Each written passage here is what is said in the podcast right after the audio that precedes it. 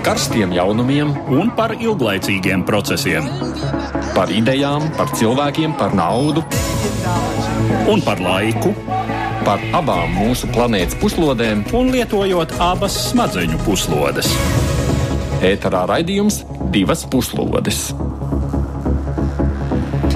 Edvards Liniņš un Aits Tamsons saka jums labdien raidījumā divas puslodes. Nu, šis ir tas laiks, kad runājam par to, kas aktuāls visā pasaulē. Nu, un mūsu šīs stundas temati būs šādi.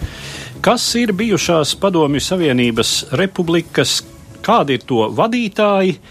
Daudz viet autoritāri līderi. Kāpēc uz rietumiem no Latvijas pamatā valda demokrātija, bet uz austrumiem daudz viet vajadzīga stingrā roka? Modeļi šeit ir ļoti dažādi - Azerbaidžāna, Baltkrievija, Vidusāzijas valstis, lai gan pēdējā laikā šai sakarā ir ko teikt arī par Poliju un Ungāriju. Nu, ir jau valsts, kur process virzās it kā demokrātijas virzienā. Armēnijā aizvakar ievēlēja premjerministru, kurš vadīs valdību parlamentārā republikā. Iepriekš tā bija prezidentāla valsts. Bet vai tas nozīmē lielāku demokrātiju? Valstī jau vairākas dienas nerims nemieri, premjerministrs ir aizsījis pretrunīgas emocijas. Un raidījumā pārcelsimies arī ārpus Eiropas. Vienā no autoritārajām valstīm, Kubā, šodien vēsturiska diena. Tur būs ievēlēts jauns valsts prezidents, pirmais vadītājs, kurš dzimis pēc Kubas 1959. gada revolūcijas, un pirmais komunistiskās Kubas vadītājs, kurš nebūs Castro. Vai Pārskatāmā nākotnē šai Karību jūras salā gaidāmas kādas jaunas vēsmas. Klausītāji ir aicināti komentēt, sūtot ziņas mūsu raidījumam Latvijas radio viens mājaslapā, bet arī Twitter lietotāji ir lūgti atbildēt uz šo jautājumu, vai jūsuprāt, Kubas jaunais līderis varētu mainīt Kubas politisko un ekonomisko kursu. Tātad izvēlieties, tur ir nu, pāris atbildžu varianti, protams, ar iespējas pašiem komentēt un nobalsojiet nu, tuvākajā laikā, līdz kamēr mēs šeit raidījumā par to runāsiet. Tātad Twitterī varat sameklēt Latvijas radio viens kontā un atbildēt savu atbildžu variantu. Un ar mums kopā šodien studijā ir Latvijas ārpolitikas institūta pētniece Sintīja Broka. Labdien! Labdien. Un žurnālists Andis Sedlinieks. Sveicināti. Nu, bet pirms mēs ķeramies klāt tematiem plašāk minētajiem, mums būs arī dažas ziņas īsumā.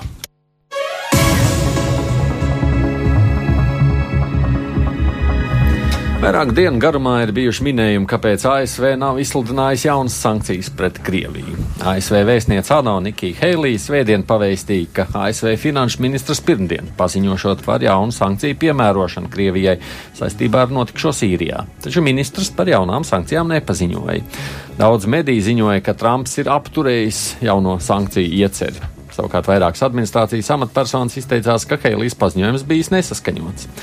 Pats Trumps trešdien paziņoja, ka neviens nav bijis stingrāks pret Krievi, Krieviju kā viņš, un ka viņš noteiks jaunas sankcijas pret Maskavu tik līdz tā būs to pelnījusi. Tikmēr žurnālisti izsaka aizdomas, ka Heilijai draud nepatikšanas. Viņas izteikumi arī ir atklājuši domstarpības un nesaprašanos Baltānām administrācijā.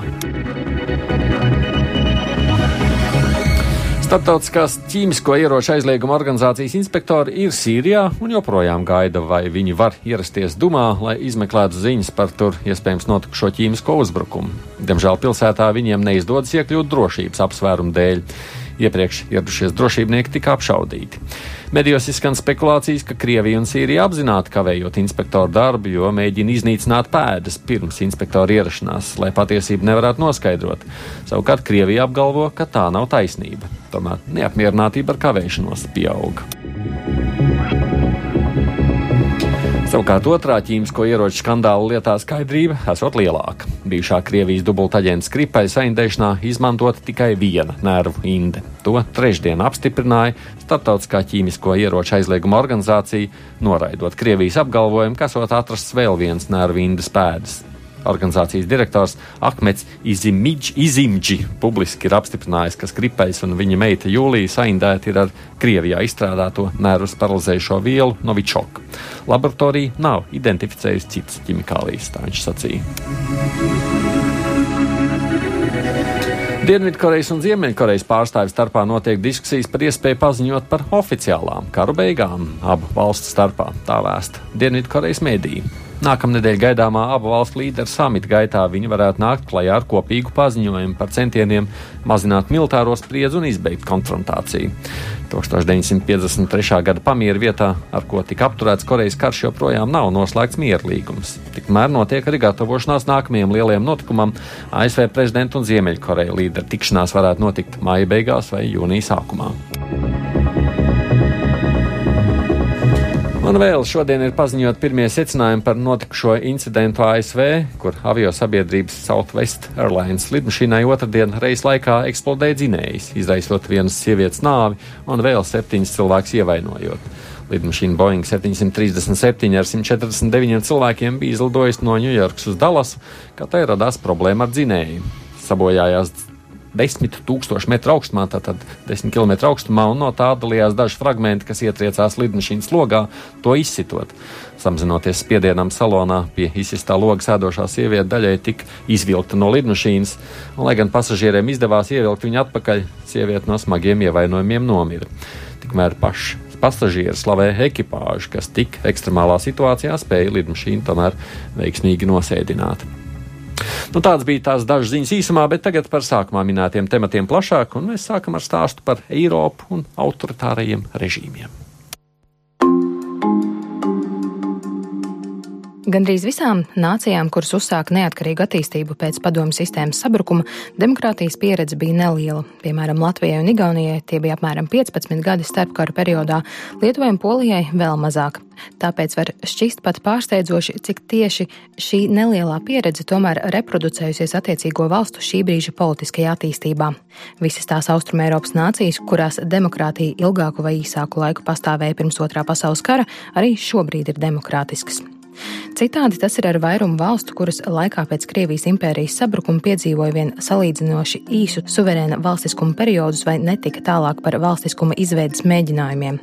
Tāds bijušās padomju republikas kā Ukraina, Grūzija, Armēnija, Moldova un Kirgistāna pastāvošās politiskās sistēmas tiek raksturots kā hibrīda režīmi jeb neliberālas demokrātijas, kad pastāvot formāli demokrātiskam valsts tiesiskajam ietveram un politiskajam procesam, tas tomēr nedod sabiedrībai pietiekamu kontroli pār valsts varu. Daudzās no šīm valstīm pēdējās desmitgadēs varas nomaiņa vairāk kārt bijusi saistīta ar nemieriem un bruņotām sadursmēm, kā spilgtākos piemērus minot 2003. gada rožu revolūciju Grūzijā, 2005. gada tulpju revolūciju Kirgistānā, Ukrainas oranžo revolūciju 2004. gadā un Eiromaidana notikumus 2014. gadā. Baltkrievija un nedaudz vēlāk arī Krievijas federācija ir piemēri, kad šādi hibrīda režīmi pamazām aizslīd autoritārismu virzienā. Lieki piebilst, ka demokrātijas liktenim Krievijā šai ziņā bijusi nozīmīga ietekme uz procesiem visā pārējā postpadomju hibrīdu režīmu zonā. Vēl tālāk autoritārisma spektrā atrodas režīmi, kuri pēc 1991. gada izveidojās Azerbaidžānā, Kazahstānā un bijušajā padomju Vidusāzijā. Šeit vairumā gadījumu nevar runāt pat par pilnvērtīgiem demokrātijas mēģinājumiem, varai paliekot bijušās padomju nomenklatūras un tās līderu rokās. Šeit daudz viet vērojamas tādas ar moderno demokrātiju nesavienojums parādības kā vadoņu personības kults, varas balstīšana tradicionālā klanu sistēmā, kā arī dinastiska varas pārmantošana. Es arī atgādinu, ka kopā ar mums ir Sintīna Anna Sedlnieks. Kāpēc Padomjas Savienība ir tik ļoti ietekmējusi to vēlmi pēc stingrās rokas? Vai tā to drīkst vispār šādu jautājumu uzdot, vai ne, Andi? Nu, es neteikšu, ka Padomjas Savienība tikai, piemēram, Singapūrā jau gandrīz 40 gadus ir autoritārs režīms, un neviens par to nezina, kāpēc neraud. Ja? Es domāju, galvenokārt tas satraukums ir par to uz kuru pusi šis režīms sliecās. Jā, jo, teiksim, nu, es vienmēr minu kā piemēru Saudārābiju, kur par demokrātiju varbūt ir dzirdējuši, bet redzējuši viņi nekad dzīvē nav. Jā. Bet tas nekādā veidā netraucē. Neviens jau Kāds ir daudz dzirdējis Saudārābijas kritiku, izņemot no kaut kādām cilvēktiesību instancēm? Mēs jau arī ļoti neraizējamies par kaut kādas, nezinu, Taģikistānu, Turkmenistānu, visādām Jā, nu, tādām valstīm. Es teiktu, bet ja tā paraugās tā plašāk, tad tie galvenie iemesli, kāds pirmkārt tās vienmēr ir bijušas ļoti tradicionālas sabiedrības, arī padomju laikā. Jā.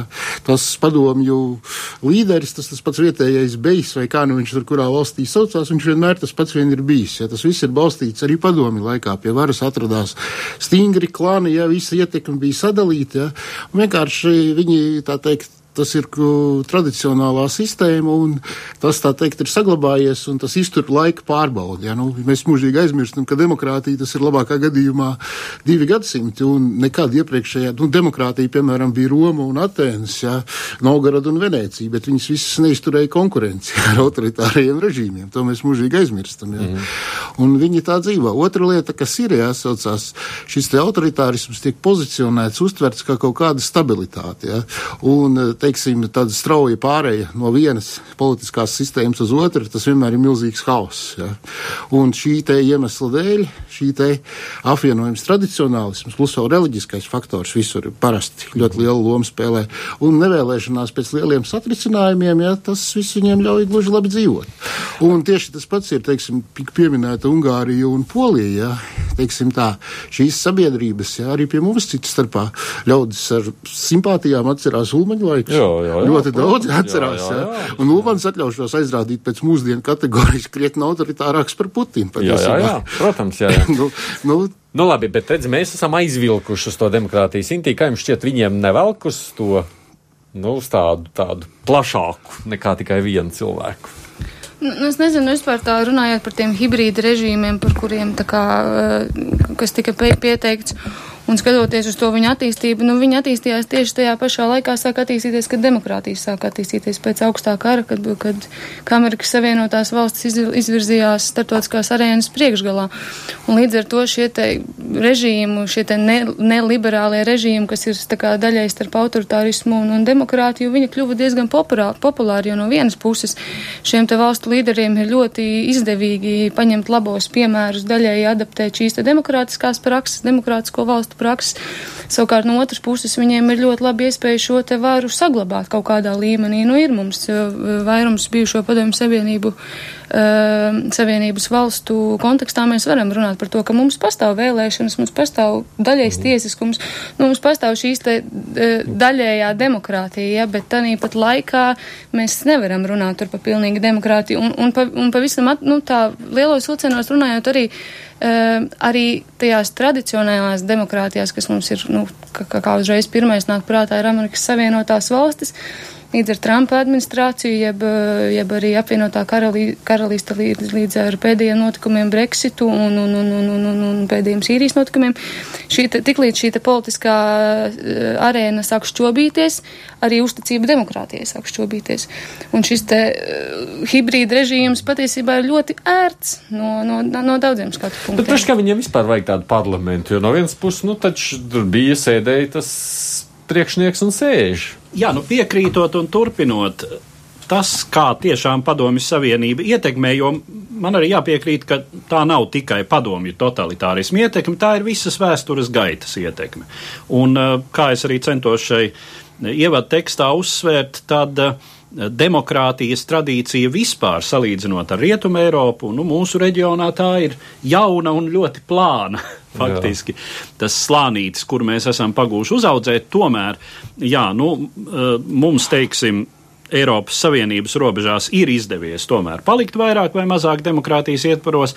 Ārpus Eiropas Savienības tātad šī padomju sistēmas ietekme ir, ka var pastāvēt demokrātija uz papīra, var pastāvēt formāli demokrātiskas institūcijas, tajā pašā laikā, kā mēs eh, jau secinājām, tātad tajā pašā Vidusāzijā arī padomju laikos pastāvēja klānu attiecībās balstīta un ar stipru, stipru līderību vadīta sistēma, eh, kur tiešām tie bija vai nu beji vai šeihi, eh, vai sauciet kā gribat, pēc būtības vienkārši saucās uh, attiecīgās vietējās kompartijas pirmie sekretāri un regulāri devās, uh, tā sacīt, pēc Jarlika uz Maskavu. Uh, bet, protams, ka arī Maskavā viņus tur amatos ceļot ļoti ņēma vērā vietējo situāciju un to, kā viņi ar šo situāciju tur uz vietas varēs tikt galā.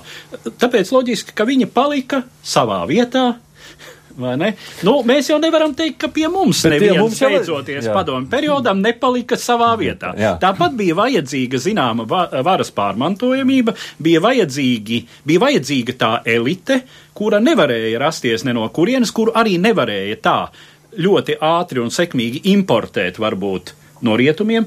Tur šādu varas elitu importēt vispār nav no kurienes. Mēs vēl varējām paļauties kaut cik uz eh, mūsu trimdas diasporu, uz to pieredzi, kas tur ir uzkrāta un tā tālāk. Nekas jau tur daudz gan nesanāca. Bet mums. nekas daudz, nu, nē, nu, kas sanāca, tas sanāca, visi zinām. Tur, eh, no kurienes viņi var importēt un varbūt arī importēja zināmā mērā no pārējās islāma pasaules. Un tur nu šīs tradīcijas, nu skatāmies spektrā, ja labākajā gadījumā tā ir kāda Maroka vai Jordānija, sliktākā gadījumā, nu no demokrātijas formālā viedokļa tiešām Saudārābija, ja, kur par kaut kādu tiesiskumu, cilvēktiesībām, nu ļoti nosacīti var runāt. Mēs esam sazvanījuši, jo mūs arī klausās šobrīd vēsturnieks, kurš ir vidzemes augstskolas rektors Gats Krūmiņš. Krūmiņkungs, halo! Jā, labdien. Kā jūs sacītu, kas nosaka vairāk šo te vēlmi, nu, šāda veida, um, um, nu, valstisko uzbūvu veidot? Tā ir reliģija, tā ir šis te padomju mantojums, tas ir kaut kas cits, kultūra. Nu, es teiktu, ka to nosaka, domāju, visi šie elementi kopā, jo tās ir tādas tradīcijas.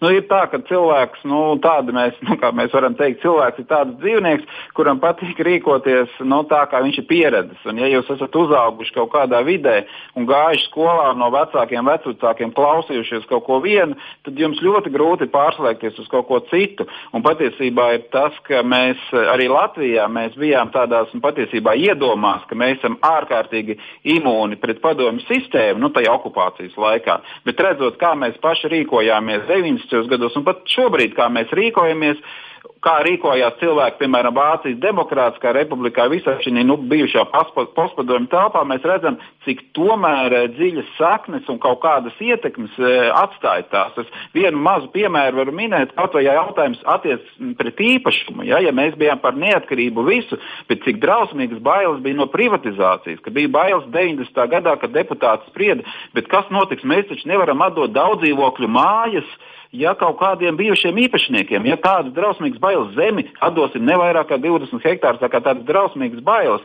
bet es teiktu, teiksim, nu, ka tās sistēmas jau nu, ārkārtīgi interesantas, nu, kā viņas notransformējušās. Piemēram, tagadējais, tas, nu, kas ir režīms, kas ir Krievijā, nu, es viņu nosauktu par tādu, ja padomju režīms bija tāds sistēmisks, nu, autoritārs vai totalitārs režīms, kur bija ļoti skaidrs, par ko, ko tu dabūsi, tad Krievijā viņš ir tāds, nu, šobrīd nesistemātisks, ja? viņam nav konsekvences, taču ir iedibināts iedibināta, nu, manuprāt, tāda sistēma, ka pie vajadzības jebkuru personu var nolikt pie vietas. Vienalga, vai tu esi, piemēram, ļoti turīgs eh, biznesmenis, oligārhs, jā, tev var jebkurā brīdī atrast un apvainot un iebāzt cietumā, ja tu kaut kādā veidā kādam nepatīc. Un to, to var attiecināt, vai tā ir amatpersona, vai tas ir ministrs, vai jebkurš būtībā. Un tā ir tāda būtībā tāda elastīga sistēma, kas jebkuru valsts pilsoni tur tādā nu, ļoti īsā saitītē. Un es teiktu, ka nu, tas ir ļoti transformējies teiksim, mūsdienās. Un to pārlauzt atkal būs ārkārtīgi grūti, ja mēs skatāmies teiksim, uz šo Krieviju. Bet vai mēs skatoties uz pārējām, pieņemsim, bijušajām PSRS republikām, neredzam kaut ko līdzīgu? Ir ļoti dažādi. Ne, nu skaidrs, ja mēs, piemēram, mums pašiem liekas, ka mums arī ir lielas problēmas, ja?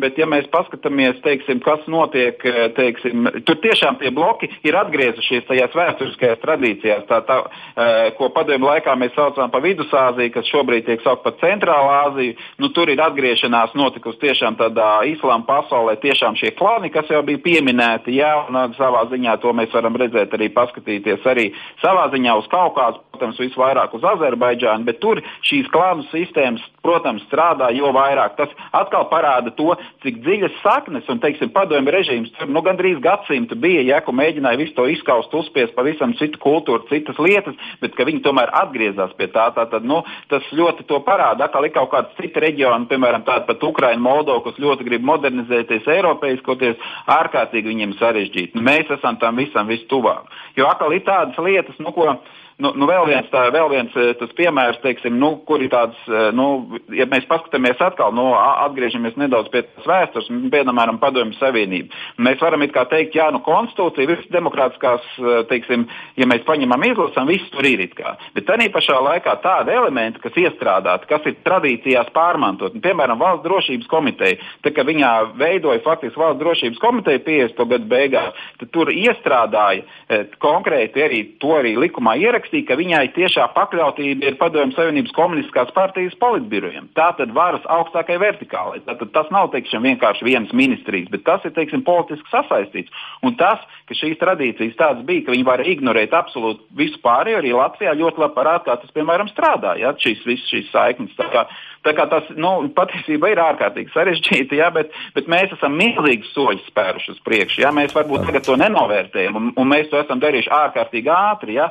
Un tagad būtībā pat vēl nav paudzes nomainījušās, bet nu, mums tomēr ir demokrātija un ir vēlēšanas, un mēs nezinām, e, kas vēlēšanās uzvarēs. Mēs nezinām, kas ir premjerministrs. Ja? Nezināsim, nu, teiksim, mēs varam te teikt, ka viens vai otrs vai kas būs ministri. Mums ir, nu, mums ir reāla demokrātija. Ja? Nu, Jā. Es saku paldies, Gati. Gats Krūmiņš, kurš ir vēsturnieks un arī vidzemes augstskolas rektors. Bet tas ir solis uz priekšu vai nē? Jo es jau pieļauju, ka droši vien, ka no dažu valstu viedokļa kāds tur solis uz priekšu. Par ko Demokrātija. Demokrātija. Viņi teiks uz bardaku pusi. Nu, demokrātija ir viena no desmit plus režīmiem, ja raugās tā refleksēti. Ja, saucās. Viens no, viena no daudzajām politiskās pārvaldes Bet tavuprāt, tas ir solis uz priekšu vai nav?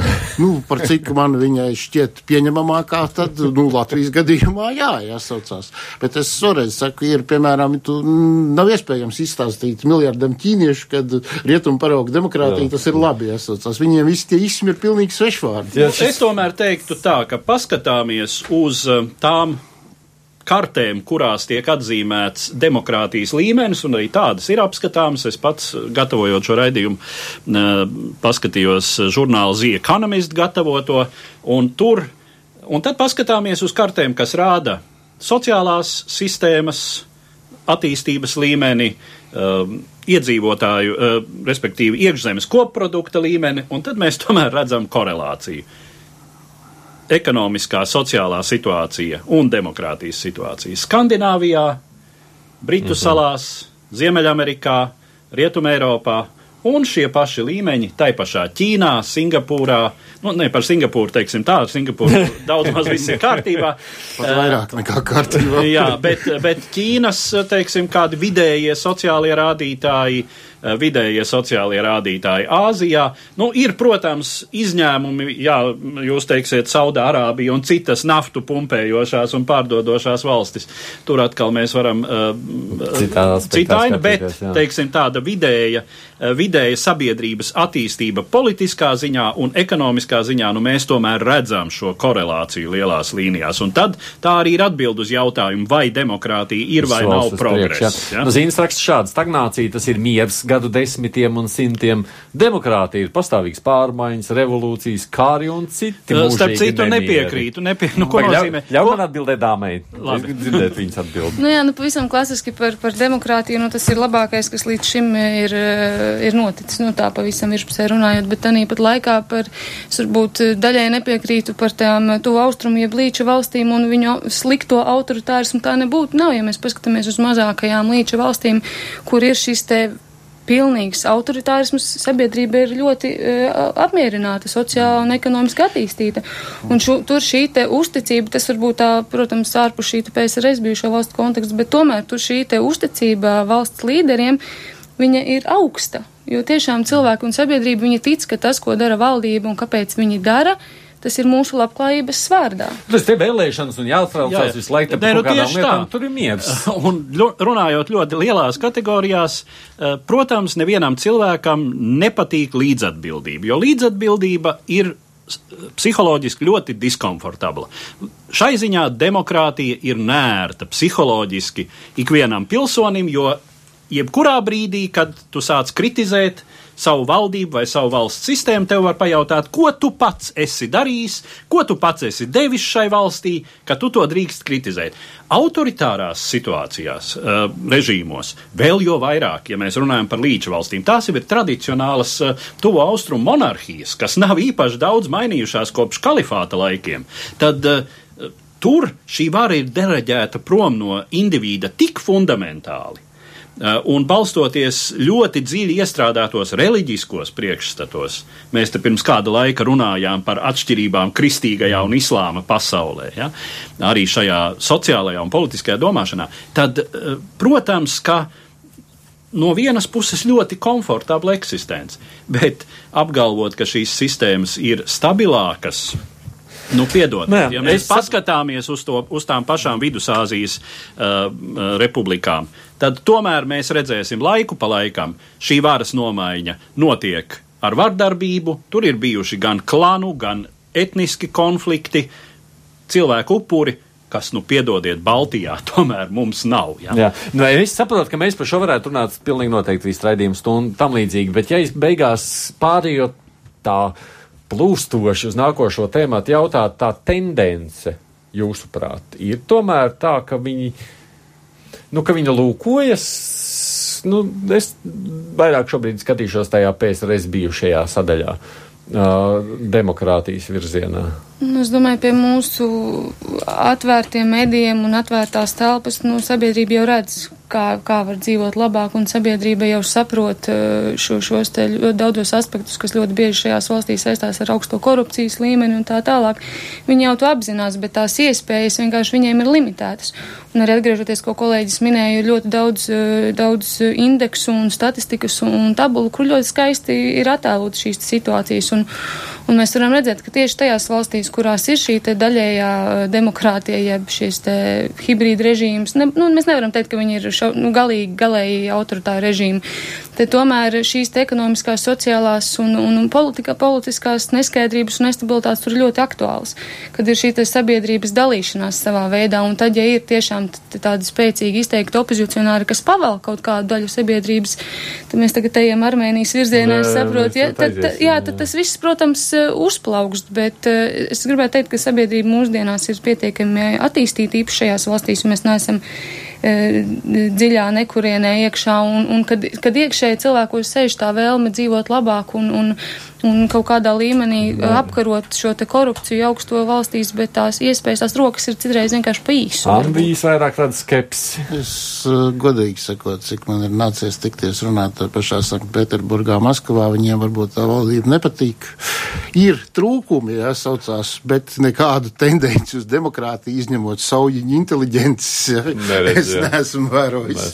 Tā teikt, tas ir tas viens. Un otrs, jā. tas varbūt bišķi īsi, īsi komentāriņi, teiksim, ka nu, nav gluži korekti salīdzināt dzīves sociālo un tā tālāk līmeni Skandināvijas valstīs, piemēram, tur Zviedrijā vai Korejā, un, teiksim, kaut kur PSRS, kas pārdzīvoja ja, drausmīgo ekonomisko krahu, ja, un kas gribēdam, nevarētu dabūt to līmeni, ko Zviedrija nu, tad, tad, tad, tad mēs varētu mēģināt salīdzināt Latviju ar tām valstīm, bet jā, es tiešām velku uz Armēniju, skatoties, kurā, nu, vismaz tā formāli šķiet kaut kas mainās ierakstīšu. Te jau neviena varas maiņa Armēnijā kopš 1991. gada nav iztikusi bez protestiem un apsūdzībām par rezultātu nelikumīgu ietekmēšanu. Regulārus opozīcijas protestus pēdējos gados izpelnījies arī Seršs Sarksjans, kopš 2008. gada Armēnijas prezidents, bet kopš aizvakardienas parlamenta balsojuma premjerministrs. Status maiņa šai gadījumā gan nozīmē drīzāk varas saglabāšanu. 2015. gada konstitucionālajā referendumā valsts politiskā sistēma tika mainīta, būtiski samazinot prezidenta varu par labu premjerministram. Attiecīgi, Sarksjans, kura otrais prezidentūras termiņš beidzās 9. aprīlī, joprojām saglabā lielāko ietekmi Armēnijas varas virsotnē. To centās nepieļaut protestētāji, kuri pirmdien sāka pulcēties Erevānā. Sadursmēs ar policiju ir cietušie, tā skaitā opozīcijas līderis parlamenta deputāts Nikols Pašiņans. Mediji ziņo arī par arestiem.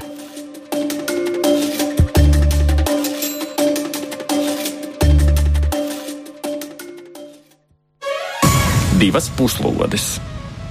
Es atgādinu, studijā šeit žurnālists ir Jānis Sedlnieks, Latvijas ārpolitikas institūta pētniece Intība Roka, protams, arī es un Edvards Leniņš. Vai šis nav tās ļoti netipisks gadījums, kad valsts kļūt, kļūst par parlamentāru republiku, lai vadītājs saglabātu varu? Tas taču izklausās tā kā tādā nu, paradoks. Pirmais to, ja kas izdomāja Sākašvilī, tikai viņam neizdevās saglabāt varu. nu, teiks, nu, tas tā. Jā. Tad atkāp. Bet normāli viņiem tur, teiksim tā, tas, teiksim, pret Krieviju noskaņotais tas uh, nacionālistiskais spārns, viņš tur tajā politikā visu laiku ir pastāvējis. Bet viņam nav teiksim tā, plaša atbalsta masās, jā, tīri objektīvu starptautisko iemeslu dēļ, jā, bet toties viņi ir ļoti skaļi, tas pats opozīcijas līderis jau 2008. gadā rīkoja nemierus, kur bija bojā gājušie un tā tālāk, bet tīri objektīvu iemeslu dēļ, jā, saucās uh, absolūtais vairākums šīs valsts saprot, ka viņa nākšana pie varas būs Armēnijai vārdi tiešām nozīmē katastrofu, jo Armēnija atrodas reālā karstāvoklī ar Azerbaidžānu, Arcehas, nu, Kalnu Karabahas dēļ, jā. Viņai vispār nekāda attiecība ar Turciju, ar Irānu, jā. Nu, būtībā jāsaucās, uh, un vienīgais, kas viņu tur, jā, patiesībā, tas ir Krievijas atbalsts.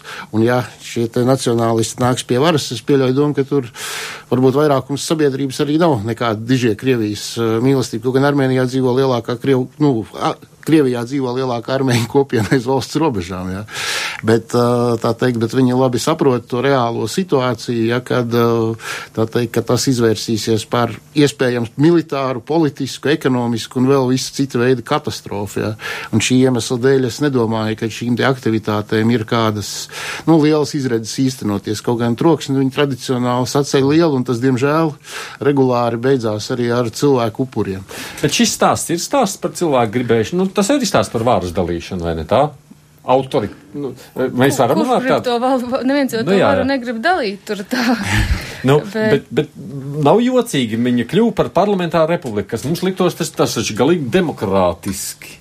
Nu, nē, nē, nu, nav, nav, tā, ka, nav tā, ka Francija būtu nedemokrātiskāka par Vāciju, jo Francija ir unitāra un prezidentāla vai parlamentāri prezidentāla valsts, un Vācija ir federāla. Nu, tas jā, jā, nē, nu labi, bet mēs un, vienalga. Un parlamentāra. Bet tajā brīdī, kad mēs skatāmies uz tām parlamentārām, man liekas, nu, tur tā tā vara taču ir vairāk izkliedēta nekā tajā brīdī, kad ir stāsts par vienu domāju, prezidentu. Lielu, lielu lomu spēlē tieši šī te viena personība šajā gadījumā. Ja tas notiktu kaut kādā citā ceļā un, un, un varbūt citā situācijā, ne šobrīd, kad šie termiņi iet uz beigām, tad varbūt šī reakcija būtu savādāka, bet tā pa lielam mani tas šausmīgi nepārsteidz. Es acis nepapletu izbrīnā ārprāts, kas notiek. Nu, Protams, par to varbūt es arī nebiju domājis tādā kontekstā, ka tas notiks un ka tas tā notiks, bet tas liels pārsteigums noteikti man nebija. Un es arī, nu, domāju, ka, eh, protams, vienmēr ir žēl upuru un vienmēr ir, eh, ir, nu, ir sāpīgi, ka tādas lietas notiek tepat netālu no mums, un,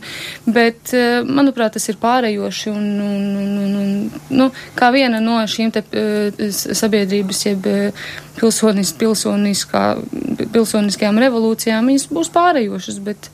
Nu, šis neviens droši vien norims Acīm redzot, jā, nu, kā jau, kā jau Sedlnieka kungs atzīmē, no nu, Armēnija ir visu šo laiku pēc augstā kara beigām ārkārtīgi sarežģītā dramatiskā ģeopolitiskajā situācijā. Viņai, ja mēs paskatāmies uz to pleķīti pasaules kartē, kāda ir Armēnija, kādas ir viņai apkārt, tai apkārt esošās teritorijas, tā tad ielēgta no visām pusēm. Būtībā, viņiem ir krietni sliktāk nekā mums, jā? Ja? Nu, nevis krietni, viņiem ir uh, reizes 50 uh, ģeopolitiskās situācijas ziņā sliktāk nekā mums. Mm. Uh, jo tas būtu apmēram tā, kā, teiksim, um, Lietuvā, Lietuvā un Igaunijā būtu valsts, kas ar mums būtībā ir karastāvoklī, eh, Zviedrijā būtu valsts, kas to ļoti aktīvi atbalsta. Un jūras nav. Jūras apkārt nav, un Krievija ir vienīgā cerība, nu, respektīvi līdzsvarojošais faktors. Mm. Ja, jo, kā zināms, etniski azeri, Azerbaidžāns uh, iedzīvotāji ir ļoti tuvi turkiem. Starp šīm divām valstīm pilnīgi dabiski un vēsturiski ir kultūrālas un politiskas saiknes. Turcija, protams, atbalsta Azerbaidžānu.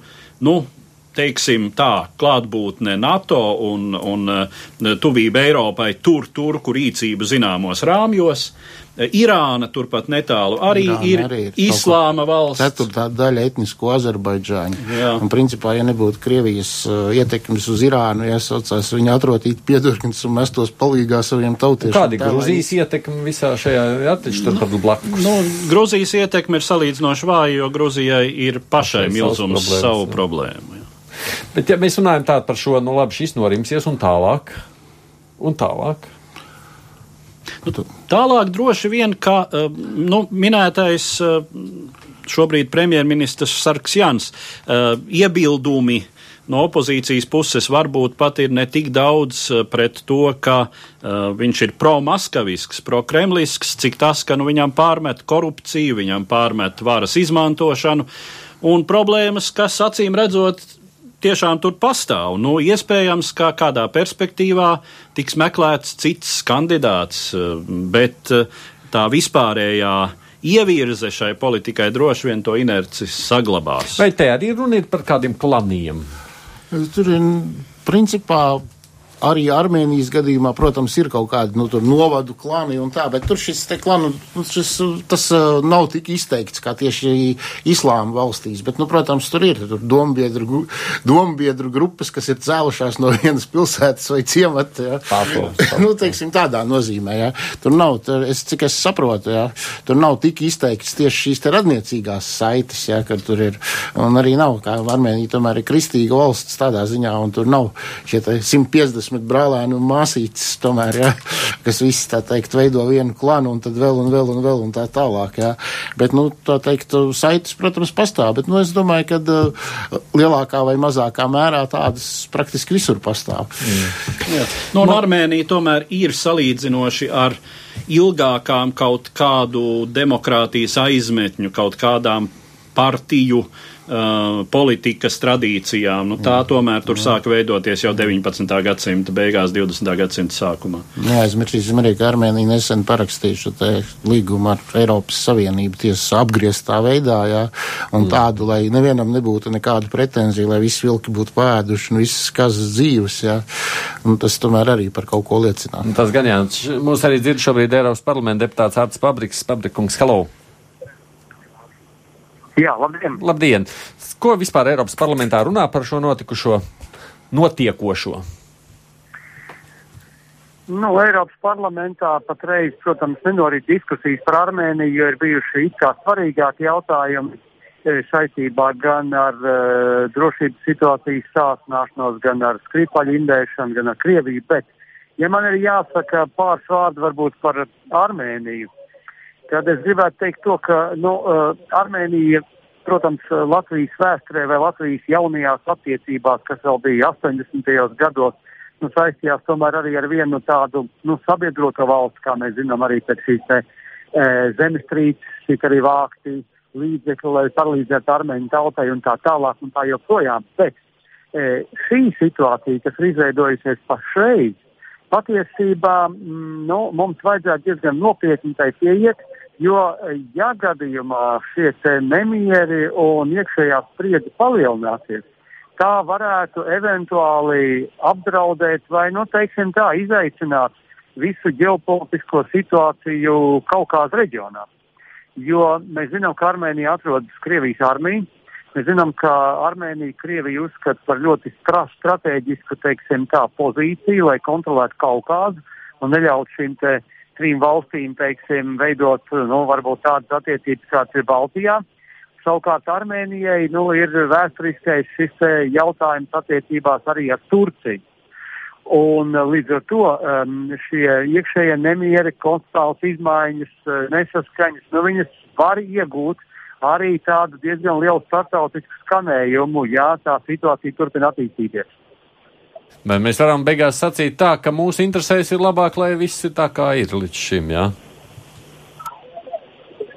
Nu, uh, ziniet, grūti pateikt, jo, teiksim, uh, es negribu šeit definēt Latvijas intereses, jo mums nav vēstniecības Armēnijā, man kā ārlietu ministrijas iespēja viesoties oficiālā vizīte Armēnijā, un es domāju, ka mums ir varbūt nedaudz tāda līdzība, tāpatās kā, um, nu, varbūt tās ar dažām citām valstīm. Mums it kā ar Armēniju būtu ļoti daudz kopīgā, bet tajā pašā laikā šī ģeopolitiskā izvēle mūs šai mirklī ir nostādījusi pretējās varbūt pusēs.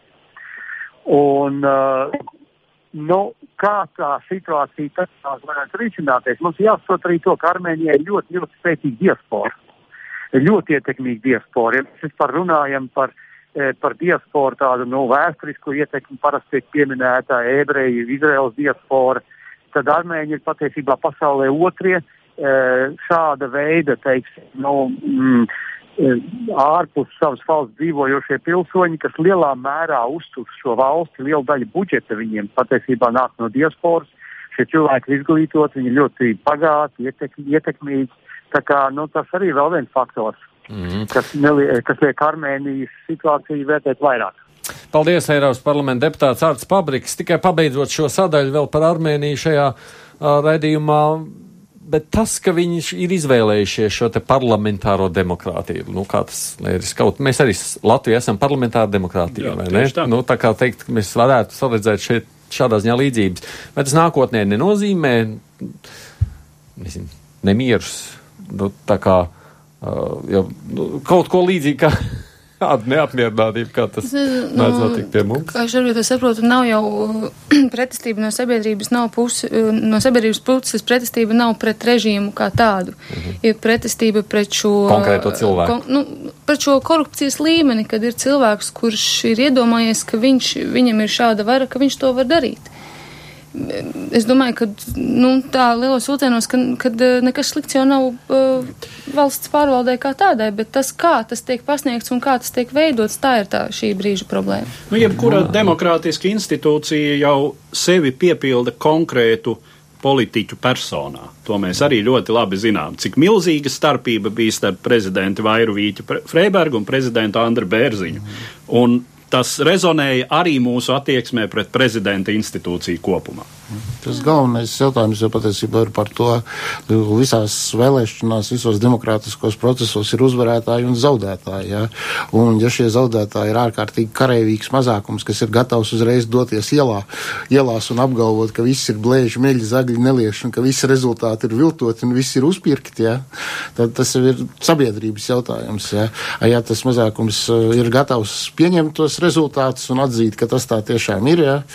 tad, uh, tad tas atkal ir cits jautājums. Tā kā tas lielā mērā ir no pašas sabiedrības. Atkarīgs. Man, protams, šeit ir jābeidz. Man liekas, interesants tas Milas raksts. Mi, Mila kungs raksta šādi, ka Gruzija taču ļoti straujiem soļiem iet uz priekšu, un te ir par enerģisko neatkarību un tam līdzīgām lietām. Redz, mēs, nu, būtu interesanti salīdzināt, kas, Kas, kas ir tā atšķirība starp Gruziju un Armēniju? Jo turpat jau blakus vien ir. Arī Gruzija nu, mēs jau piesaucām. Mēs jā. jau pat piesaucām to būtisko. Nav, Gruzijai var nav ļoti liela draugi nu, apkārt. Jā, bet nu, Gruzija salīdzinoši tomēr ģeopolitiski ir labākā situācijā. Salīdzinoši lielāka valsts nav tik izteikta militāra konflikta, lai gan nu, ar Krieviju tur problēmas ļoti jā, lielas, jā, jā. protams. Ja? Un, un arī tie Gruzijas soļi ir divi uz priekšu, viens atpakaļ. Jā. Uh, bet uh, es vēl gribētu piebilst, ka Armēnijas jautājuma risinājums lielā mērā mērā ir jautājums par to, kas tālāk notiks ar Turciju. Uz Eiropu orientēta Turcija, uh, ar Eiropas principiem vienisprātis esoša Turcija ļoti pozitīvi varētu ietekmēt situāciju ar Armēniju. Neizskatās, ka viņiem šobrīd īpaši daudz sološi izskatās, bet mums ir laiks vēl runāt par vienu, vēl vienu autoritāru, šoreiz ne tikai bijušo, bet tagadējo socialistisko valsti.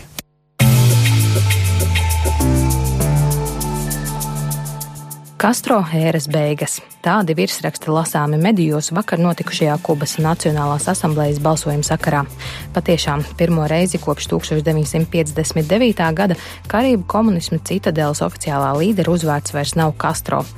2006. gadā leģendāro Fidelu valsts prezidenta postenī nomainīja viņa jaunākais brālis Rauls Castro, kurš, nu, būdams jau 86 gadus vecs, nolēmis nodot šo posteni līdzinējam viceprezidentam Miguelam Diasam Kanelam. Tomēr veicišķais līderis joprojām paliek nemainīgi valdošās Kubas komunistiskās partijas ģenerālsekretārs un grasās būt šajā amatā līdz 2021. gadam, ja vien liktenis nebūs lēmis citādi. Un tomēr pirmo reizi par prezidentu cilvēks, kurš dzims pēc revolūcijas un tāds tīrais sociālismu produkts. Tagad es saprotu, vai ne, tāda būs pie varas. Tas vispār ir svarīgi. Bet nu ne no vecās gvardes toties, ne no kas, ir, gvardes. kas ir, tā sacīt, gāzus iepriekšējo arī nesevišķu demokrātisko režīmu un būvējusi Kubā sociālismu. Vai sociālistiskā valstī var, nu, cits personas nākšana pie varas ir vispār, nu, tā kā. Mm interesanti vai, vai nu, Jēziņ, atcerēs, atcerēsimies Brežņeva aiziešanu. Uh, nu, tur nekas nemainījās, to, nāca Čerņenko. Uh, paga, paga pēc Brežņeva bija Andropovs, un tad bija Čerņenko. Un, Bet mainījās... arī valstī nekas nemainījās būtiski, izņemot tur kaut kādas detaļas. Ķēra uz ielām, uz ielām ķēra tikai, jā. Bet, nu, tādā ziņā. Ķēra, ja kas prasīja, kāpēc nav skolā. Es taču atceros, jā, jā, man paši arī nācās uzmanīties, ejot uz kino. Bet, bet idejas kā tādi, vai ne? Nu, nāks tur tas vadītāji mainās. Nu, idejiski šis jaunais prezidents, viņš, lai gan viņam ir jaunībā bijusi tāda diezgan, nu, relatīvi priekš kompartijas funkcionāra, tāda pavētraina biogrāfija. Viņš tur ir šortos braukājis apkārt ar motocikliem, matos plīvojot, būdot, būdams vesels provinces partijas pirmais sekretārs. Vietējais panks? Nu, nu, bet partijas Nu, pirmais man liekas, ka sekretārs. šorti īsti Kubā nav neleģitīva Nu, ne, nu. Tas, tas nav kā uz Latvijas saimu atnākt šortos, kas arī bijis. Ja? tas, Jā, jā, tas, jā. protams. Un viņš tur vēl kaut ko bija par vienzimumu attiecībām, pozitīvi izteicies un tā. Bet tad tā teikt, nu, viņš tāds skaitījās tāds, cik es saprotu, tāds tīri pozitīvs reformators. Bet tad viņa gaišo tēlu ieraudzīja Rauls Kastro un pietuvināja sev, jā. Un viņš kļuva par ļoti tādu kārtīgu, kārtīgu funkcionāru, jā. Un eh, kas šai gadījumā ir svarīgi, Rauls Kastro it kā cenšas kaut ko Kubā reformēt, bet viņš to dara ļoti lēniņām, lēniņām, solīt pa solītim, jā. Acīm redzami, baidoties, eh, teiksim, teiksim tā, sagraut tos sociālos faktorus, uz kā balstās tā komunistu, komunistu vara, jā, jo viņiem tiešām ir ļoti laba medicīna, ļoti laba izglītības sistēma, jā, un lai cik tas nešķis dīvaini, viņi visi ir pēduši un pat nodrošināti ar kādām pirmās nepieciešamības precēm, jā.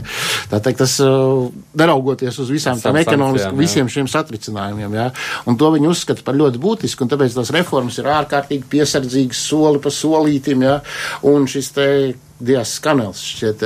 Jā. Viņš uh, ir uh, jau pierādījis uh, ar savu darbību, ka viņš izglītības ministrs bijušais, ja kas ir arī, jā. Viņš ar savu, un tagad ir, bija viceprezidents, viņš ar savu darbību ir pierādījis, ka viņš ir tieši tāds pats reformators, jā, bet soli pa solītim, un ka katrs šaubas tas ir pa sliktu reformām.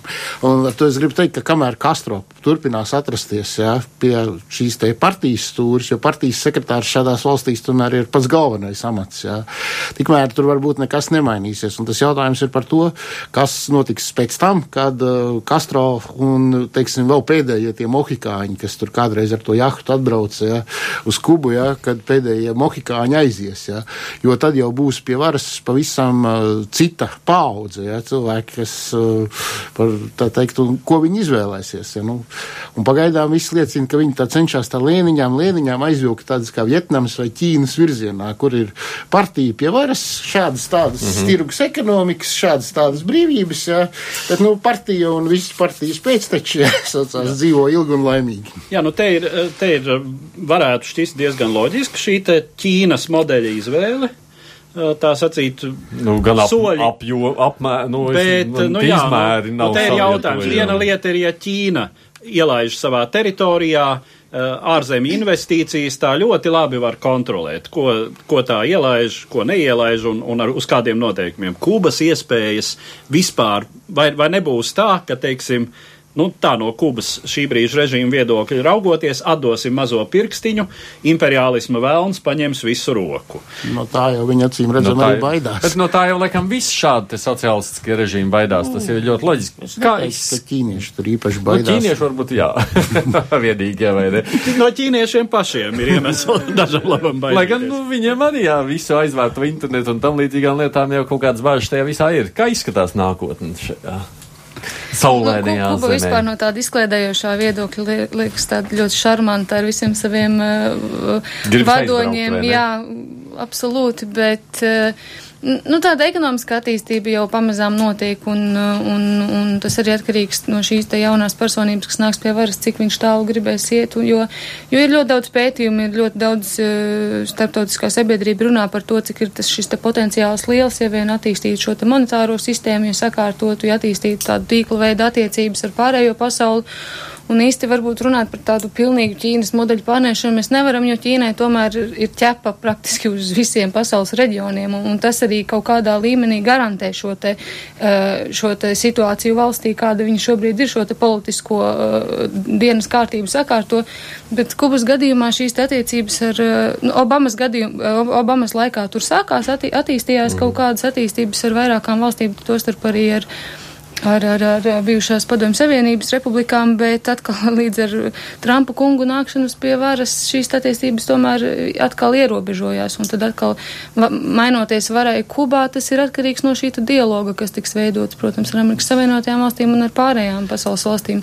Un tomēr šīs attiecības ir jābalsta uz kaut kādu tādu savstarpējo sadarbību un ekonomisku attīstību, ja mēs gribam runāt par tādu ilgspējīgu attīstību vienā vai otrā līmenī. Jā, bet tas moments, ka Kuba varētu kļūt par Ķīnu, Ķīnas partneri un zināmā mērā aģentu šai Karību reģionā un lietu, rietumu puslodē vispār, tas ir ļoti reāls, ievērojot, ko Ķīna šobrīd jau pasaulē Jā. var.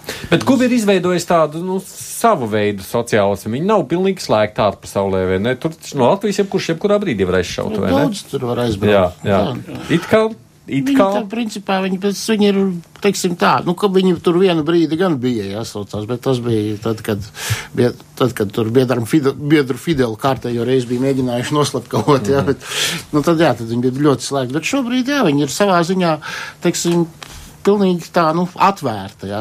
Un, ko es īpaši gribēju piebilst, ne tikai Ķīna, arī Krievija iesaucās. Tur jau ir ieradušies pirmie kuģi ar ladām kā taksometriem, tur ir jau vairāki simti kamāzu iesaucās, tur jau Krievu speciālisti rosās pa piekrasti, urbjot gāzi un naftu, ja?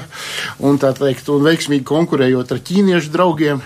Tā kā, principā, ja tā teikt, to neizdarīs, tur, teiksim, tradicionāli Spānija, kas ir, mēs mūžīgi aizmirstam Spāniju, iesaucās, tas mm. ir Kubas, tā teikt, lielais, lielais draugs bet Spāņiem pat man acīm redzam, nu, Kuba nav tā prioritāte. Viņiem tur pašiem savu problēmu pietiek, ja, ja to neizdarīs tur ASV vai kaut ko uh, nesakārtos, ja, tad viņi attieksies tad, kad tur jau pilnā sparā, ja. Tas. Bet tas, ko pieminēja Sinti, runājot par šo te, nu, Donaldu Trumpu, tomēr tādu stingrāku nostāju pret Kubu, cik tā, jo, cik, cik Kuba ir atkarīga no šīs ārējās spiediena. Nu, Kuba ir iemācījusies iztikt bez savienotajām valstīm, kas var šķist absolūti paradoxāli vispār, ja mēs skatāmies uz visu uztrauc. Nemaz. Nemaz, jā. jā. Nē, nu viņiem, protams, patīkamāk ir, kad ir dolāri un turisti, jāsaucās. Bet, ja to nav, tas Kuba jau vairākus gadu desmitus nekādi neietekmē. Ja Kuba var iztikt bez Krievijas lētās naftas, jau 20 gadus uh, un, un nav nomirusi badā, kas ir taisnība sakot fenomens. Nu, droši vien klimats. Jā, es jau gribēju teikt, viņam jau droši vien, jā, viņi var atļauties. Ja, ja būtu, ja būtu apkuras sezona un uh, regulārā uh, sezonālā gripas epidēmija, tad, tad nu jautājums, kā tā medicīna un sociālā sistēma tur darbotos. Man šodien secinājums klausoties uz jums, cik, cik svarīgi, kurā vietā tu atrodies. Ja tu esi ielikts okeāna vidū, ir labi, ir īpaši, ja siltā vietā. Vienīgā problēma patiesībā ir šitās te tropiskās vētras. Demokrā, demokrātija ir nepieciešama mūsu platuma grādos ar apkuras sezonu un sezonālajām gripas epidēmijām. Jā, mums tā rada diezgan liels problēmas. No bet, turienes arī kristīgā ētika un viss pārējais. Bet tad, pabeidzot šo tēmatu, tā mūsu versija ir tāda, ka tuvākajos gados ne, bet tā pakāpeniski, pakāpeniski viņa vērsies tā Jā, kā uz kaut kādām daļām. Tas jautājums ir par to, kurš tad īsti būs tas, kurš, tā teikt, ieguldīs tur tos līdzekļus un ko, jo tie var būt tikpat labi kā rietumi, tā austrumi. Un, tā teikt, un es drīzāk liecos domāt, ka biedri komunisti vairāk, biedri Kubas komunisti, ja, vairāk uzticēsies biedriem Ķīnas komunistiem un bijušajiem biedriem komunistiem Krievijā nekā rietumiem, jo viņiem tomēr tie ir tālu, ja, pirmkārt, viņi atrodas tālu. Amerika ir turpat blakus. Nu, jā, tas gan jā. tur, jā. Nu, Latviešiem var bija, varbūt bija iespēja redz izvērsties. Mēs varētu tie, Nē, nē, nu, Eiropas lomu nu nevelti mēs piesaucām mm. Spāniju, kas ir aktīva, ļoti aktīva, mm. ko mēs varbūt tā īpaši nevērojam, bet attiecībās ar visu spāniski runājošo pasauli. Un, kā zināms, tāda ir lielākā daļa Latīņa Amerikas un arī liela daļa Centrālamerikas. Man jāpiebilst klausītājiem, kad jautājumi, vai jūs redzat izmaiņas, tad 73% pārliecināti, ka nekā, nekas nenotiks, viss paliks par vecam, nu 27% gaida tomēr. Izmaiņas ārpolitikas institūta pētniece Sintība Broka un žurnāls Andris Sedlnieks bija šeit studijā. Paldies, Paldies. jums, kā atnācāt. Protams, arī mans kolēģis Eduards Liniņš un es šeit Aidis Tamsons. Mēs atkal tiksimies nākamajā reizē pēc nedēļas, lūkosim, kas atkal notiek pasaulē, abās divās šīs zemes puslodēs, kā šoreiz, protams, arī producenti jau valēni līdz nākamajai reizei. Divas puslodes!